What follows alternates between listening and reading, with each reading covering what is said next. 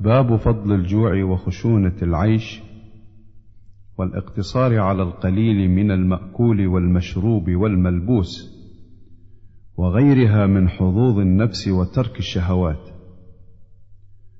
قال الله تعالى فخلف من بعدهم خلف أضاعوا الصلاة واتبعوا الشهوات فسوف يلقون غيا.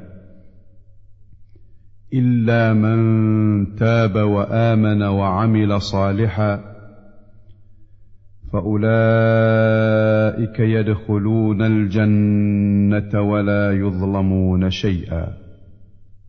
مريم. وقال تعالى فخرج على قومه في زينته قال الذين يريدون الحياة الدنيا يا ليت لنا مثل ما أوتي قارون إنه لذو حظ عظيم. وقال الذين أوتوا العلم ويلكم ثواب الله خير لمن آمن وعمل صالحا. القصص. وقال تعالى ثم لتسألن يومئذ عن النعيم التكاثر. وقال تعالى من كان يريد العاجلة عجلنا له فيها ما نشاء لمن نريد. ثم جعلنا له جهنم يصلاها مذموما مدحورا. الإسراء. والآيات في الباب كثيرة معلومة.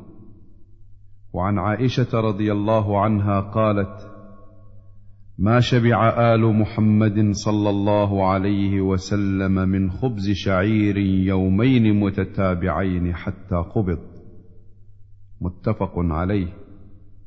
وفي رواية ما شبع آل محمد صلى الله عليه وسلم مذ قدم المدينة من طعام البر ثلاث ليال تباعا حتى قبض. وعن عروة عن عائشة رضي الله عنها أنها كانت تقول والله يا ابن أختي إن كنا لننظر إلى الهلال ثم الهلال ثم الهلال ثلاثة أهلة في شهرين وما أوقد في أبيات رسول الله صلى الله عليه وسلم نار. قلت يا خالة فما كان يعيشكم؟ قالت الأسودان التمر والماء. إلا أنه قد كان لرسول الله صلى الله عليه وسلم جيران من الأنصار وكانت لهم منائح وكانوا يرسلون إلى رسول الله صلى الله عليه وسلم من ألبانها فيسقينا متفق عليه. وعن أبي سعيد المقبوري عن أبي هريرة رضي الله عنه أنه مر بقوم بين أيديهم شاة مصلية. فدعوه فأبى أن يأكل. وقال خرج رسول الله صلى الله عليه وسلم من الدنيا ولم يشبع من خبز الشعير. رواه البخاري. مصلية أي مشوية. وعن أنس رضي الله عنه قال لم يأكل النبي صلى الله عليه وسلم على خوان حتى مات. وما أكل خبزا مرققا حتى مات. رواه البخاري. وفي رواية له ولا رأى شاة سميطا بعينه قط.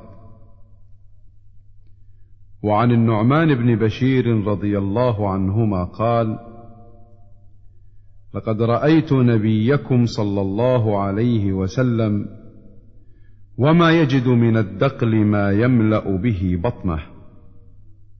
رواه مسلم. الدقل تمر الرديء. وعن سهل بن سعد رضي الله عنه قال ما رأى رسول الله صلى الله عليه وسلم النقي من حين ابتعثه الله تعالى حتى قبضه الله تعالى. فقيل له هل كان لكم في عهد رسول الله صلى الله عليه وسلم مناخل؟ قال ما رأى رسول الله صلى الله عليه وسلم منخلا من حين ابتعثه الله تعالى حتى قبضه الله تعالى فقيل له كيف كنتم تأكلون الشعير غير منخول؟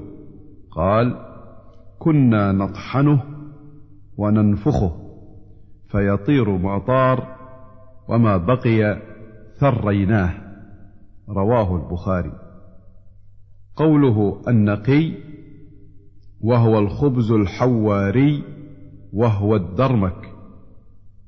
قوله ثريناه أي بللناه وعجناه وعن أبي هريرة رضي الله عنه قال خرج رسول الله صلى الله عليه وسلم ذات يوم أو ليلة فإذا هو بأبي بكر وعمر رضي الله عنهما فقال ما أخرجكما من بيوتكما هذه الساعة؟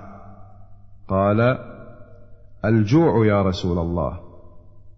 قال وأنا والذي نفسي بيده لأخرجني الذي أخرجكما. قوما فقاما معه فأتى رجلا من الأنصار فإذا هو ليس في بيته. فلما رأته المرأة قالت مرحبا واهلا. فقال لها رسول الله صلى الله عليه وسلم أين فلان؟ قالت ذهب يستعذب لنا الماء. إذ جاء الأنصاري فنظر إلى رسول الله صلى الله عليه وسلم وصاحبيه ثم قال الحمد لله ما أحد اليوم أكرم اضيافا مني. فانطلق فجاء بعذق فيه بسر وتمر ورطب. فقال كلوا. وأخذ المدية فقال له رسول الله صلى الله عليه وسلم إياك والحلوب. فذبح لهم فأكلوا من الشاه ومن ذلك العذق وشربوا. فلما أن شبعوا ورووا قال رسول الله صلى الله عليه وسلم لأبي بكر وعمر رضي الله عنهما والذي نفسي بيده لتسألن عن هذا النعيم يوم القيامة. أخرجكم من بيوتكم الجوع ثم لم ترجعوا حتى أصابكم هذا النعيم. رواه مسلم. قولها يستعذب أي يطلب الماء العذب وهو الطيب. والعذق هو الكباسة وهي الغصن. والمدية السكين. والحلوب ذات اللبن. السؤال عن هذا النعيم سؤال تعديد النعم لا سؤال توبيخ وتعذيب. والله أعلم. وهذا الأنصاري الذي أتوه هو أبو الهيثم ابن التيهان رضي الله عنه. كذا جاء مبينا في رواية الترمذي وغيره. وعن خالد بن عمير العدوي قال خطبنا عتبة بن غزوان وكان أميرا على البصرة فحمد الله وأثنى عليه ثم قال أما بعد فإن الدنيا قد آذنت بصرم وولت حذاء ولم يبق منها إلا صبابة كصبابة الإناء يتصابها صاحبها. وإنكم منتقلون منها إلى دار لا زوال لها. فانتقلوا بخير ما بحضرتكم.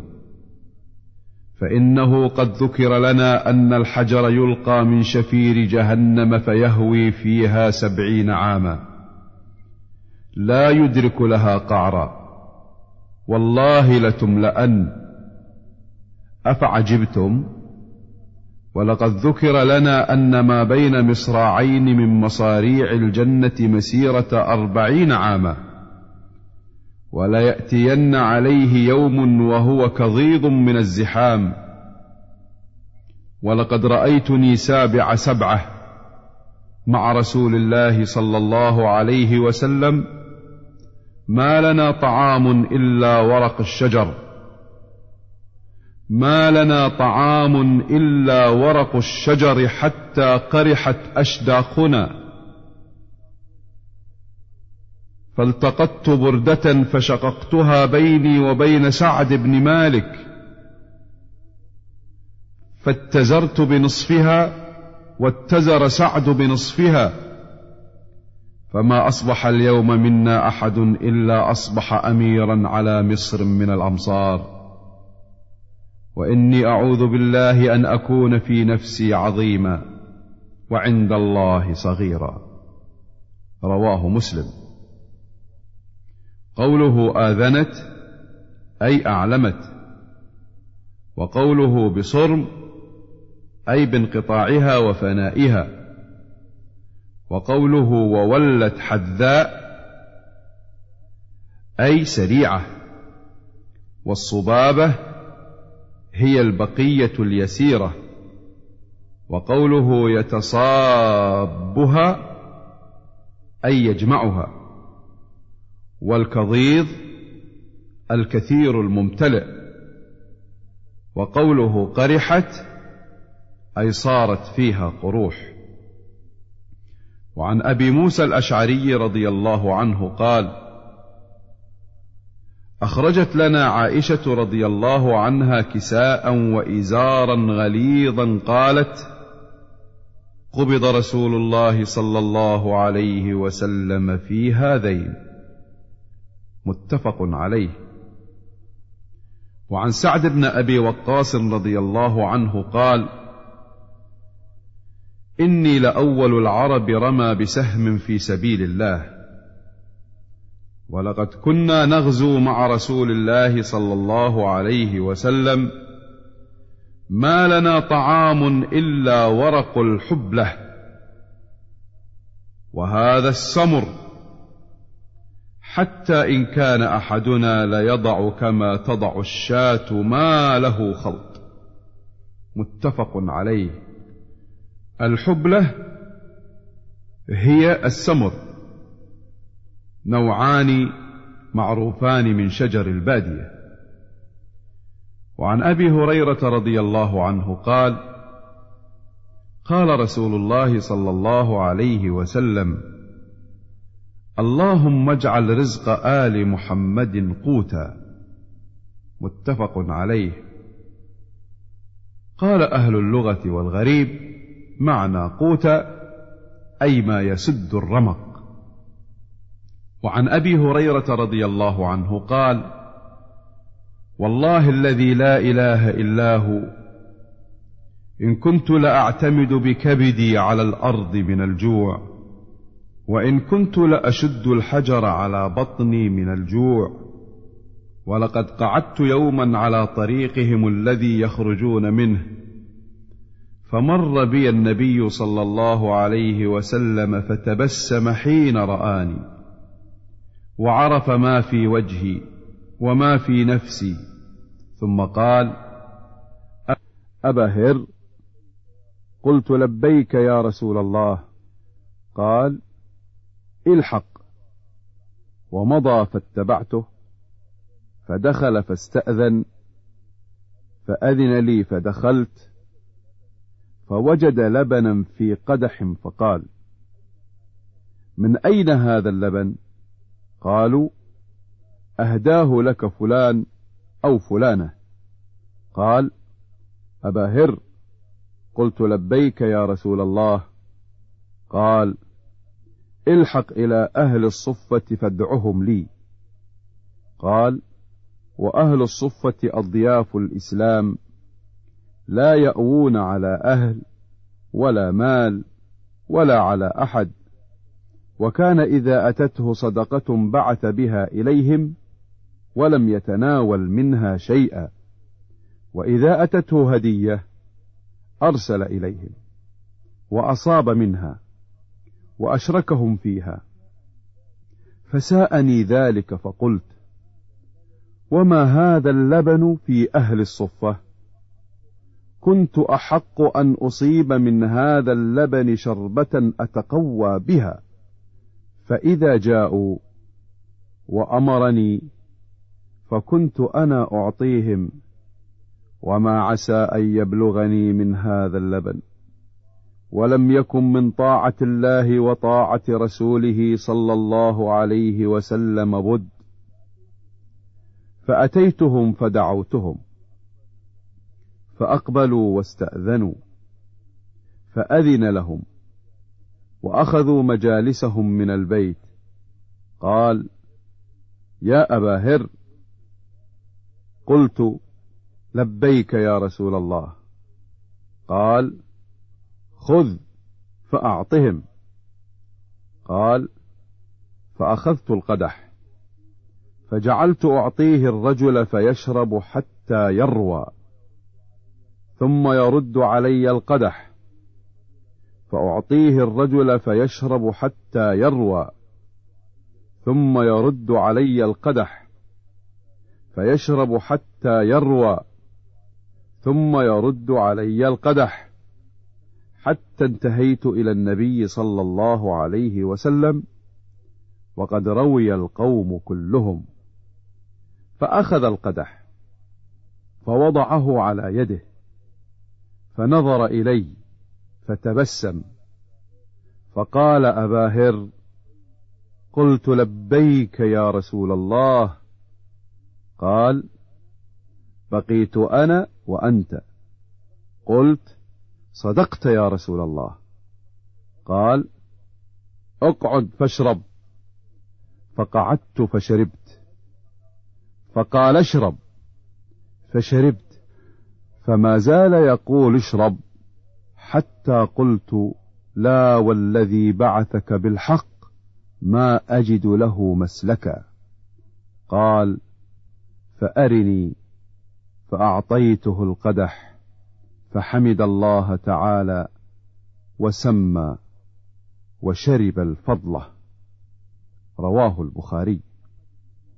وعن محمد بن سيرين عن أبي هريرة رضي الله عنه قال لقد رأيتني وإني لأخر فيما بين منبر رسول الله صلى الله عليه وسلم إلى حجرة عائشة رضي الله عنها مغشيا علي فيجيء الجائي فيضع رجله على عنقي ويرى أني مجنون وما بي من جنون ما بي إلا الجوع.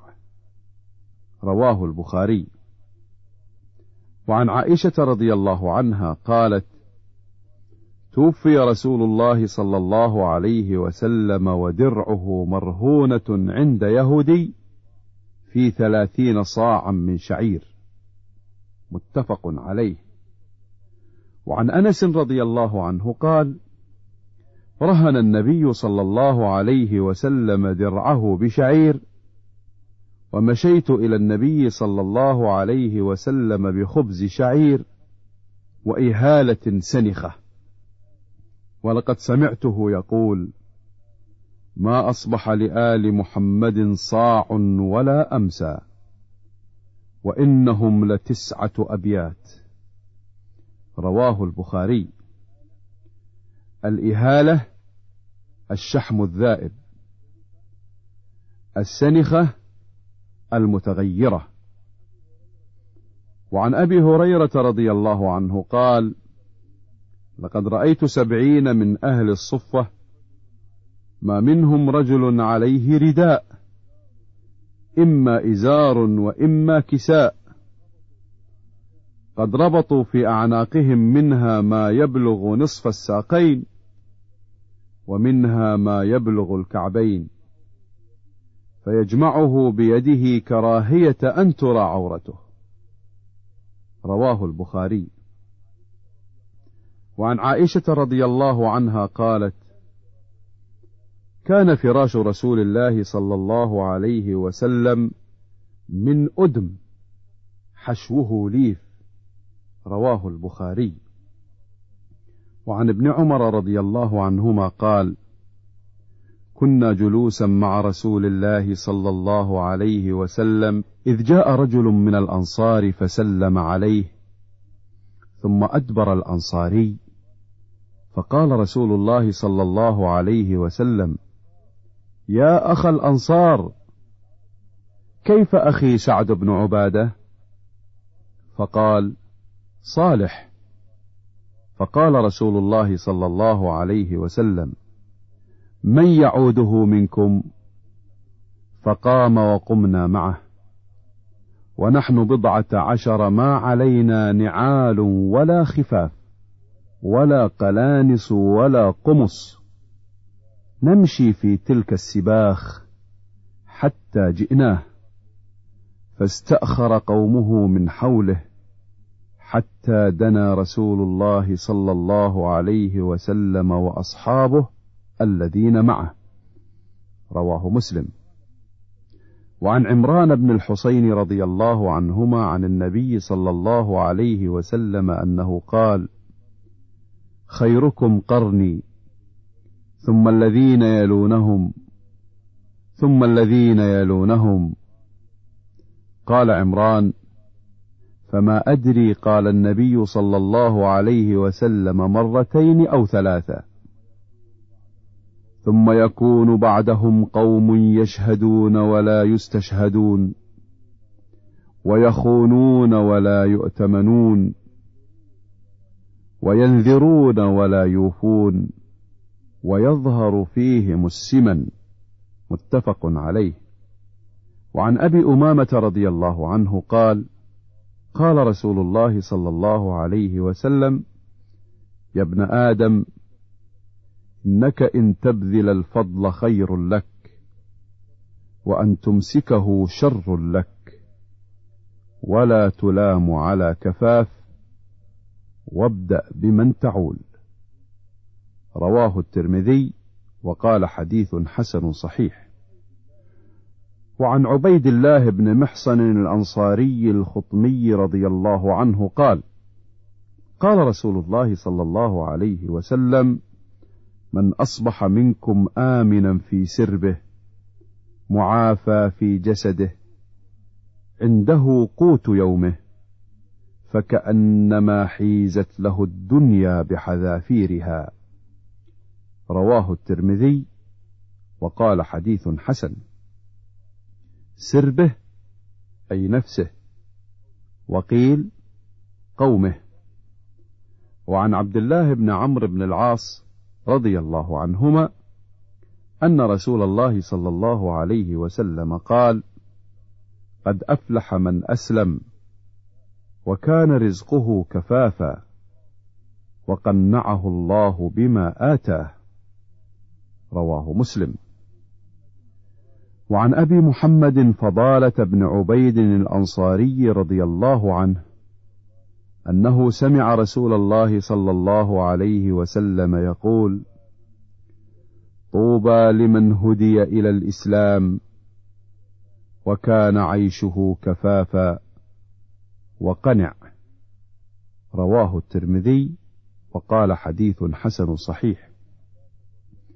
وعن ابن عباس رضي الله عنهما قال كان رسول الله صلى الله عليه وسلم يبيت الليالي المتتابعة طاويا. وأهله لا يجدون عشاء. وكان أكثر خبزهم خبز الشعير. رواه الترمذي وقال حديث حسن صحيح. وعن فضالة بن عبيد رضي الله عنه أن رسول الله صلى الله عليه وسلم كان إذا صلى بالناس. يخر رجال من قامتهم في الصلاة من الخصاصة وهم أصحاب الصفة. حتى يقول الأعراب هؤلاء مجانين.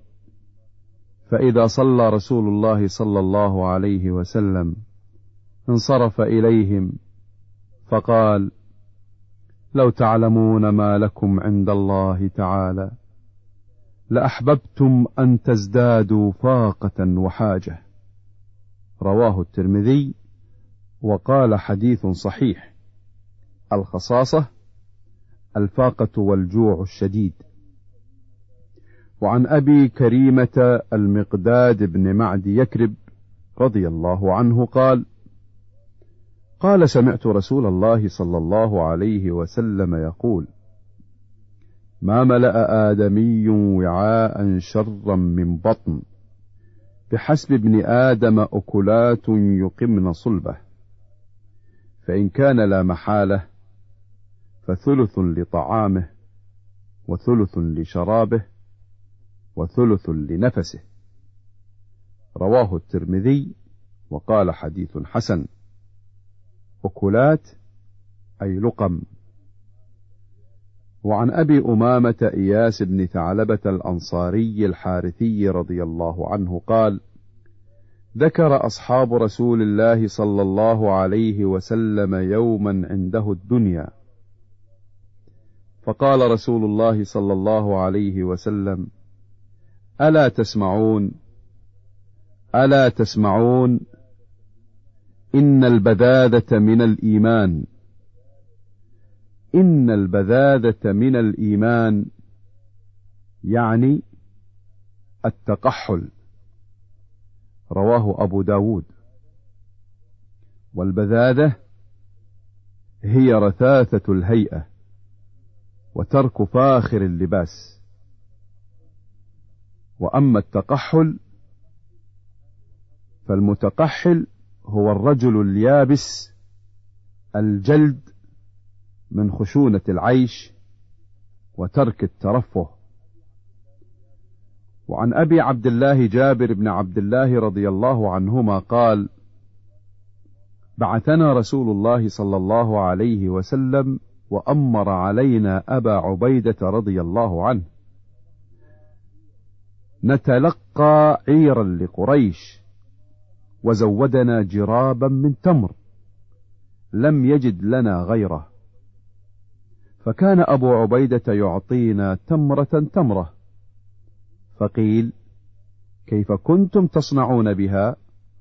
قال نمصها كما يمص الصبي ثم نشرب عليها من الماء فتكفينا يوما إلى الليل. وكنا نضرب بعصينا الخبط ثم نبله بالماء فنأكله. قال وانطلقنا على ساحل البحر. فرفع لنا على ساحل البحر كهيئة الكثيب الضخم. فأتيناه. فإذا هي دابة تدعى العنبر. فقال أبو عبيدة ميتة. ثم قال لا. بل نحن رسل رسول الله صلى الله عليه وسلم. وفي سبيل الله وقد اضطررتم فكلوا فأقمنا عليه شهرا ونحن ثلاثمائة.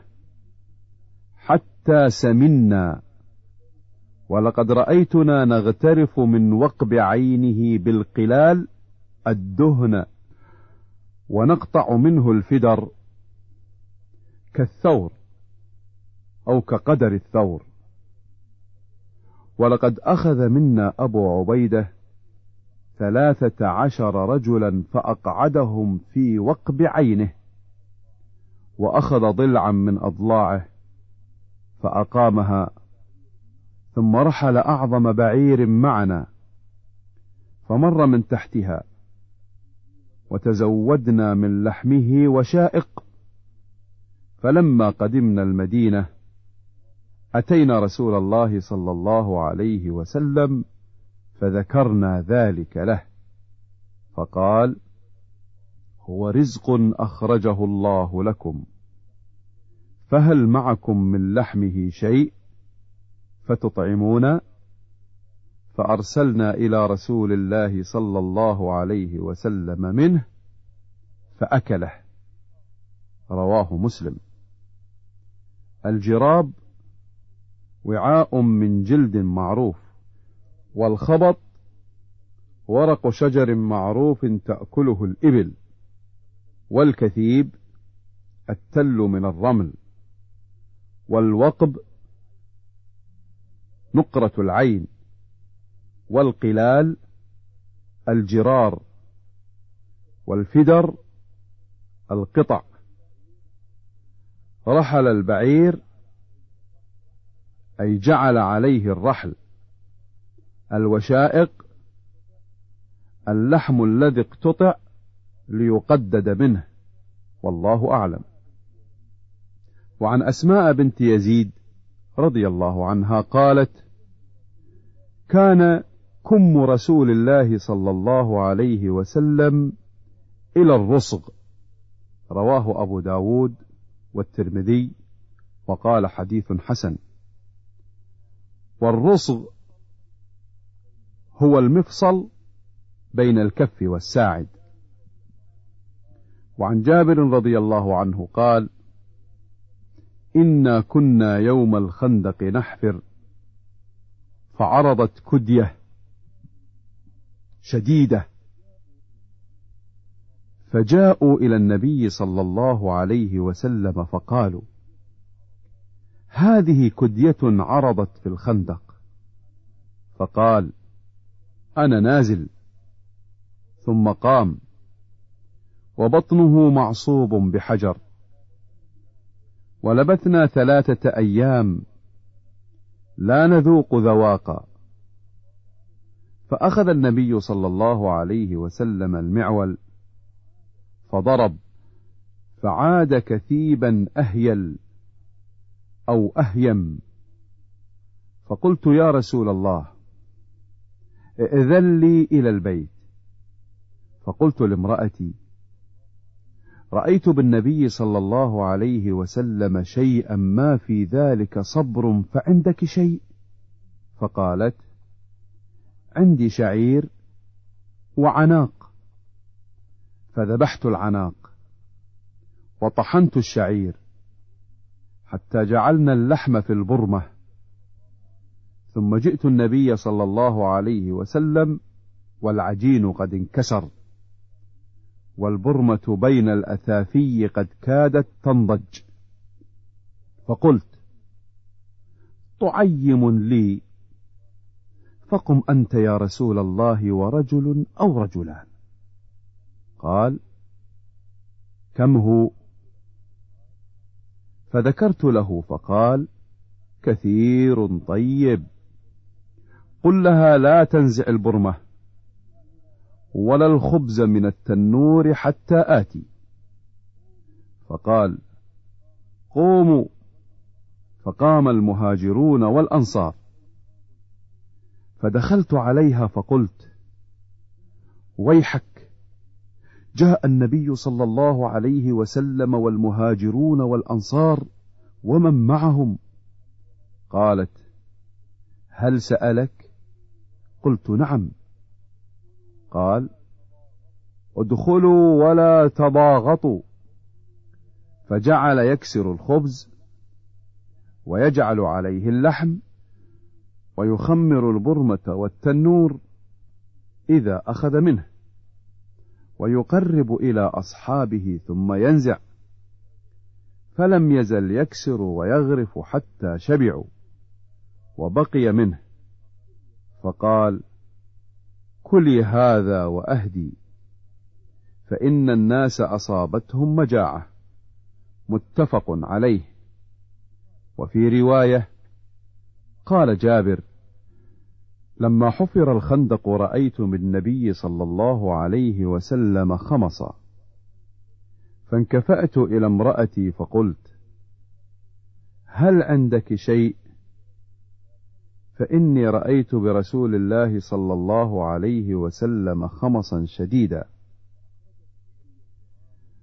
فأخرجت إلي جرابا فيه صاع من شعير. ولنا بهيمة داجن فذبحتها. وطحنت الشعير. ففرغت إلى فراغي. وقطعتها في برمتها. ثم وليت إلى رسول الله صلى الله عليه وسلم. فقالت لا تفضحني برسول الله صلى الله عليه وسلم ومن معه. فجئته فساررته. فقلت يا رسول الله ذبحنا بهيمة لنا وطحنت صاعا من شعير فتعال أنت ونفر معك. فصاح رسول الله صلى الله عليه وسلم فقال يا أهل الخندق إن جابرا قد صنع سؤرا فحي هلا بكم. فقال النبي صلى الله عليه وسلم لا تنزلن برمتكم ولا تخبزن عجينكم حتى أجيء. فجئت وجاء النبي صلى الله عليه وسلم يقدم الناس. حتى جئت امرأتي فقالت بك وبك. فقلت قد فعلت الذي قلت فأخرجت عجينا. فبسق فيه وبارك ثم عمد إلى برمتنا فبصق وبارك ثم قال ادع خابزة فلتخبز معك واقدحي من برمتكم ولا تنزلوها وهم ألف فأقسم بالله لأكلوا حتى تركوه وانحرفوا. وإن برمتنا لتغط كما هي وإن عجيننا ليخبز كما هو قوله عرضت كدية هي قطعة غليظة صلبة من الأرض لا يعمل فيها الفأس والكثيب تل الرمل والمراد هنا صارت ترابا ناعما وهو معنى أهيل. والأثافي الأحجار التي يكون عليها القدر. وتضاغطوا تزاحموا والمجاعة الجوع. والخمص الجوع. وانكفأت انقلبت ورجعت. والبهيمة تصغير بهمة وهي العناق. والداجن هي التي ألفت البيت. والسؤر الطعام الذي يدعى الناس إليه وهو بالفارسية. وحي هلا أي تعالوا. وقولها بك وبك أي خاصمته وسبته. لأنها اعتقدت أن الذي عندها لا يكفيهم. فاستحيت وخفي عليها ما أكرم الله سبحانه وتعالى به نبيه صلى الله عليه وسلم من هذه المعجزة الظاهرة والآية الباهرة. بسق أي بصق ويقال أيضا بزق ثلاث لغات وعمد أي قصد. واقدحي أي اغرفي.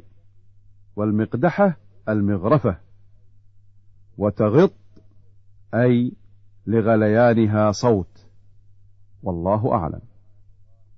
وعن أنس رضي الله عنه قال قال أبو طلحة لأم سليم قد سمعت صوت رسول الله صلى الله عليه وسلم ضعيفا.